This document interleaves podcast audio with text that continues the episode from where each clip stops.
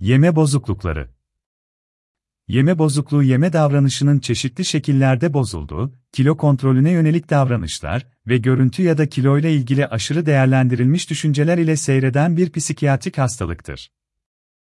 Yeme bozukluğu kişinin aşırı yemek yemesi ya da yemesini aşırı kısıtlaması, yemek sonrası ağır egzersiz yapması, yemek sonrası kusması gibi çeşitli belirtilerle kendini gösterebilir.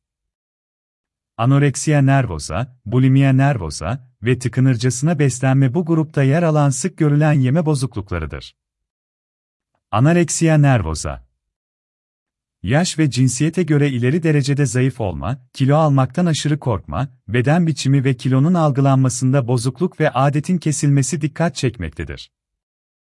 Hastaların büyük kısmı kilo vermek amacıyla yiyecek alımını aşırı miktarda azaltma, aç kalma ya da aşırı egzersiz yapma ile kilo kaybeder.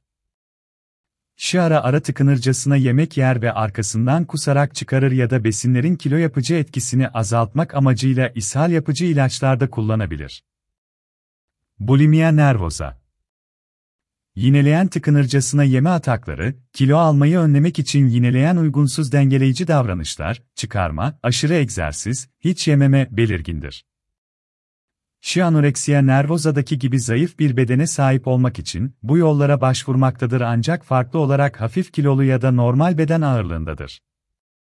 Tıkınırcasına yeme bozukluğu Yineleyen tıkınırcasına yeme atakları belirgindir.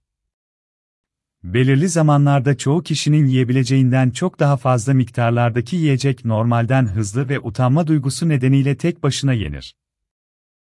Kişi fiziksel olarak açlık hissetmediği halde büyük miktarlarda yedikten sonra kendinden iğrenme ve ağır suçluluk duygusu hisseder.